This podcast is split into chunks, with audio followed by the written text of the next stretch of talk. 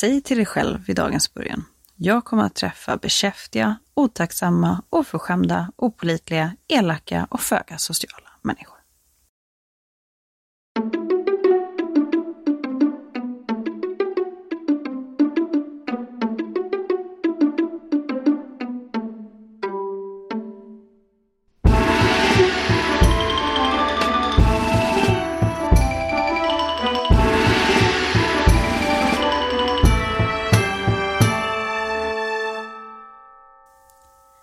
Hej och välkomna till Podius Castus, en podd om antiken och till det här minisnittet med mig, Hanna.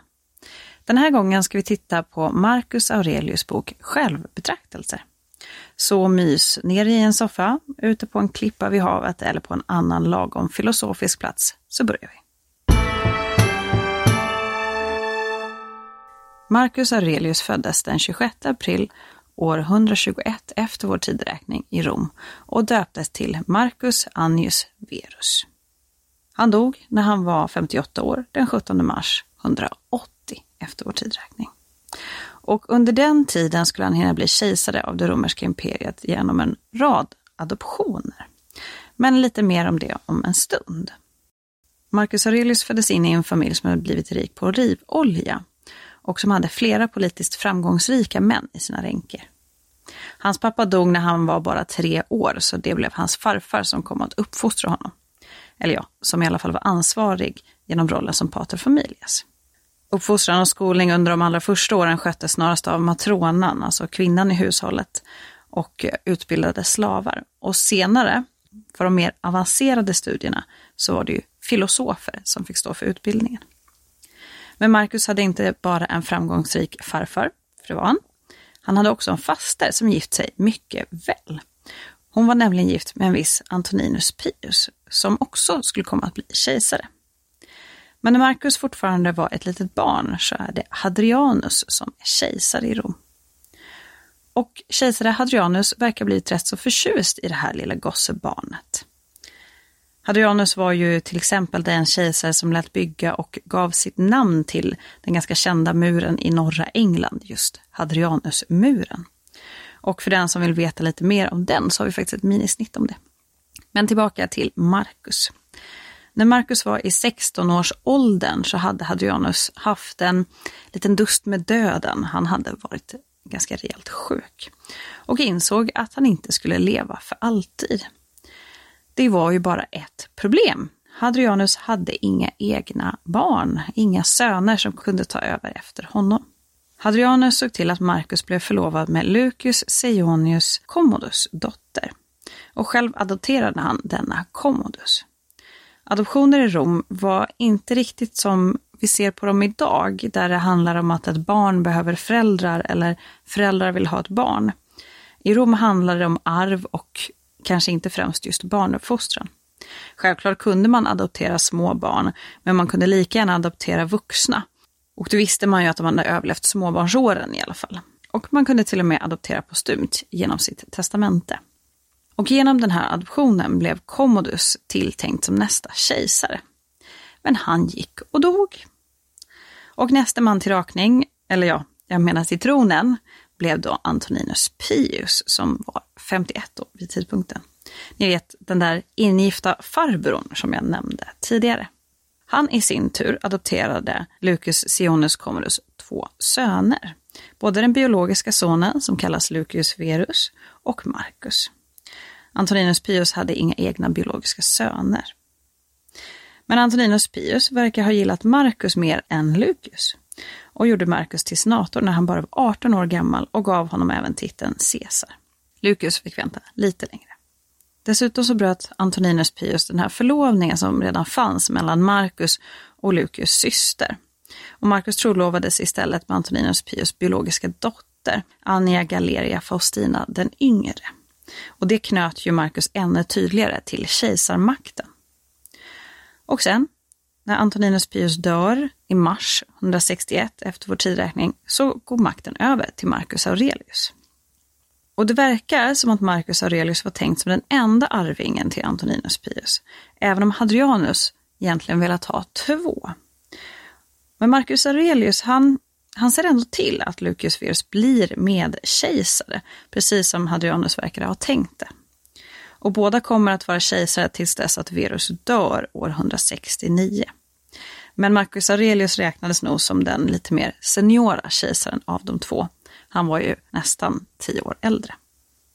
Men efter att eh, Lucius Verus dör så är det bara, bara Marcus Aurelius som själv är kejsare, tills dess att han låter sin egna biologiska son bli medkejsare. Och denna son, Commodus, blir medkejsare till sin far från år 177 till år 180. Alltså tre år innan hans pappa Marcus Aurelius dör. Och nu när vi har klarat av en liten kort biografi kan vi grotta ner oss i en av de saker som Marcus Aurelius lämnade efter sig. Och det var en bok. På svenska brukar man döpa den till självbetraktelser och på engelska till meditations. Det som skulle kunna kallas originaltiteln är, och ursäkta min grekiska, ta eis hiauton, ungefär hans anteckningar till sig själv. Och Marcus Aurelius skrev sina texter under de tio sista åren av sitt liv. Eller ja, det är i alla fall vad forskarna tror. För dessa texter verkar inte vara tänkta för publicering och de verkar vara skrivna av en åldrande man. Citat. I varje sak du gör, dröj dig vid varje moment och fråga dig själv om döden är något ont för att den berövar dig detta. Bok 10, stycke 29. Flera av funderingarna i den här boken handlar eller berör dödet och livets förgänglighet, som i det citatet jag nyss läste. Och hade texterna varit tänkta för publicering så hade man kanske kunnat förvänta sig någon form av lite inledande text. Men Marcus Aurelius han verkar ha skrivit för sin egen räkning, som minnesanteckningar eller som filosofiska övningar och tankeställare. För ämnet för de här texterna, de är genomgående filosofiska. Av den anledningen så brukar Marcus Aurelius ofta benämnas som den filosofiske kejsaren. Och redan under hans samtid så var han känd för att ha haft ett ganska stort filosofiskt intresse. Och det speglas ju tydligt i de här texterna. Men bara att de har bevarats är ändå ganska intressant. Som sagt så verkar de här inte vara tänkta för publicering. De är inte speciellt sammanhängande. De verkar inte varit bearbetade och vi vet inte om att de ska ha publicerats under hans, eller kort efter hans livstid. Och det vet vi om många andra texter till exempel. Det är faktiskt först under andra hälften av 300-talet som hans texter eventuellt finns omnämnda. Och år 907, alltså flera hundra år efter att Marcus Aurelius har dött, nämns hans texter av en munk och vi vet att de då var lite mer allmänt lästa. Och med allmänt lästa så var det inte vem som helst som läste dessa texter. De flesta var ju faktiskt inte läskunniga. Men inom den bysantinska grekspråkiga kultursfären verkar den ha haft en helt okej okay god spridning. Eh, men eh, vänta här nu, grekiska. Ja, Marcus Aurelius, som den romerska kejsare han var, skrev på grekiska. Högt uppsatta romare lärde sig inte bara latin utan såklart även grekiska. Och dessutom så var grekiska mer av filosofins språk. Flera av de tidiga och mest kända filosoferna var ju just greker. För att nämna några kan vi ta Pythagoras, Sokrates, Platon, Aristoteles, Herakleitos, Anaximander, Zenon från Kition, Chrysippos och så vidare. Ni förstår. Och hur är då Marcus Aurelius grekiska? Ja, antagligen så var den ganska bra. Han lär ha använt den dagligen och i ett brev så skriver han själv att han hellre skriver på just grekiska än på latin. Men i självbetraktelser så är grekiskan ganska korthuggen, lite stolpig och generellt ganska obearbetad. Och det är en av anledningarna till att forskarna tolkat det här som mer egna anteckningar och inte just för publicering.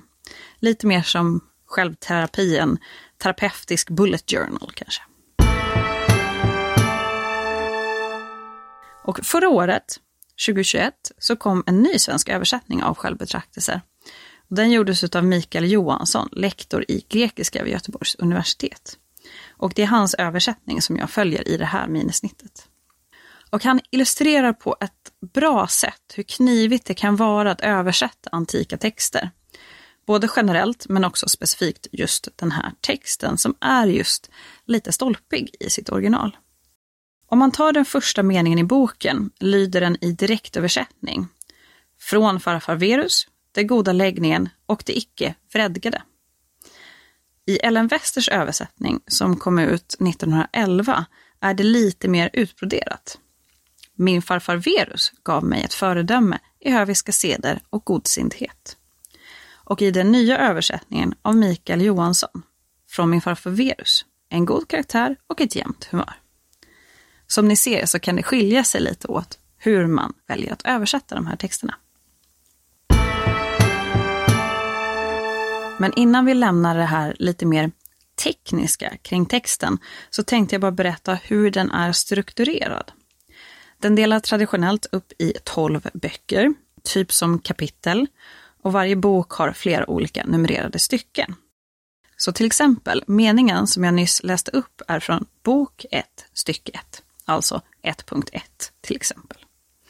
Och citatet alldeles i början av avsnittet är en del utav bok 2, stycke 1.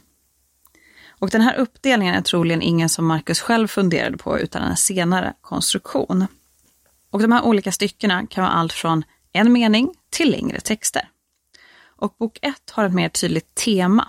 Det är personer som har betytt mycket för Marcus Aurelius, som till exempel hans farfar. Och vissa stycken i den här boken känns som spännande filosofiska frågor. En del skulle till exempel kunna bli ganska schyssta väggtexter i stil med carpe diem och en del är ganska svåra att förstå. Citat. Lev inte som om du skulle leva i 10 000 år. Det oundvikliga hänger över dig. Medan du lever, medan det är möjligt, var god. Bok 4, stycke 17. Men Marcus Aurelius skrev ju inte bara hej vilt. Genomgående är den stoiska filosofin. Så vad är nu det? Ja, att försöka koka ner en hel filosofisk tradition i några få meningar är ju egentligen helt dömt att misslyckas. Men jag ska försöka ge en liten bild av vad det handlar om. Stoicismen är en filosofisk riktning som grundades av Zenon från Kition på 300-talet före vår tideräkning, alltså flera hundra år innan Marcus Aurelius föddes. Och namnet kommer från att man höll till i en stoa, en täckt kolonnad som ofta flankerade agora, alltså torget i en grekisk stad. Och en av de främsta grundtankarna är att allting är ordnat på ett rationellt och ett sammanhängande sätt. Mer specifikt så allt styrt och ordnat av en allgenomträngande kraft, logos. Och logos finns i allt, i människor, i naturen, i universum. Den finns i levande varelser och i döda ting. Citat. Det som har dött faller inte ut ur världsalltet. Och om det blir kvar här så förändras det och löses upp i världsalltets element. Och även elementen förändras och klagar inte. Bok 8, stycke 18. Allt som händer styrs utav logos och följer en tydlig linje av orsak och verkan. Så enligt stoikerna så är allting förutbestämt. Och det kan ju vara lite trösterikt. Det var ju alltså inte ditt fel att huset brann ner när du glömde släcka ljuset. Det var ju ändå förutbestämt. Eller så är det bara deppigt. Om allt faktiskt är förutbestämt, varför ska jag anstränga mig? Citat. Ingen blir utsatt för det han av naturen inte klarar av att bära. Del av bok 5, stycke 17. Men enligt stoikerna så handlar det om att vi som människor kan välja hur vi ska förhålla oss till det här som händer.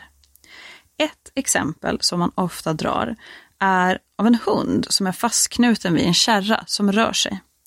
Hur hunden än gör kommer den ju att dras med. Men hunden kan välja på att släpas efter kärran eller att springa med. Och likaså kan vi välja hur vi hanterar det som händer oss och händer runt omkring i världen. Så vi människor är ansvariga för våra handlingar, även om allt i universum följer en plan. Och det finns ju väldigt, väldigt mycket inom stoicismen. Men den här lilla sammanfattningen täcker ju inte allt på långa vägar, men kanske kan ge en liten bild utav vad det handlar om. Det som många kanske associerar med att vara stoisk, det är ju det här med självbehärskning och sinnesnärvaro. Och att uppnå den stoiska likgiltigheten, apateia, är ju inte att man ska vara helt avstängd från alla känslor, men att man ska undvika att dras med och ner i de överdrivna känslorna. Så om vi ska gå tillbaka där vi började, med alla de där jobbiga människorna, hur tänker sig då Marcus Aurelius att vi ska resonera kring dem? Jo, citat. Säg till dig själv i dagens början. Jag kommer att träffa bekäftiga, otacksamma, oförskämda, opolitliga, elaka och föga sociala människor. Allt detta har drabbat dem på grund av deras okunskap om gott och ont. Men jag, som har insett att det godas natur är något vackert och att det ondas natur är något dåligt, och att naturen hos den som syndar är besläktad med min egen. Den delar inte samma blod och säd, men samma intellekt och stycke av det gudomliga.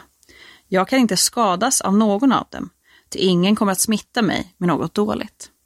Bok 2, stycke 1.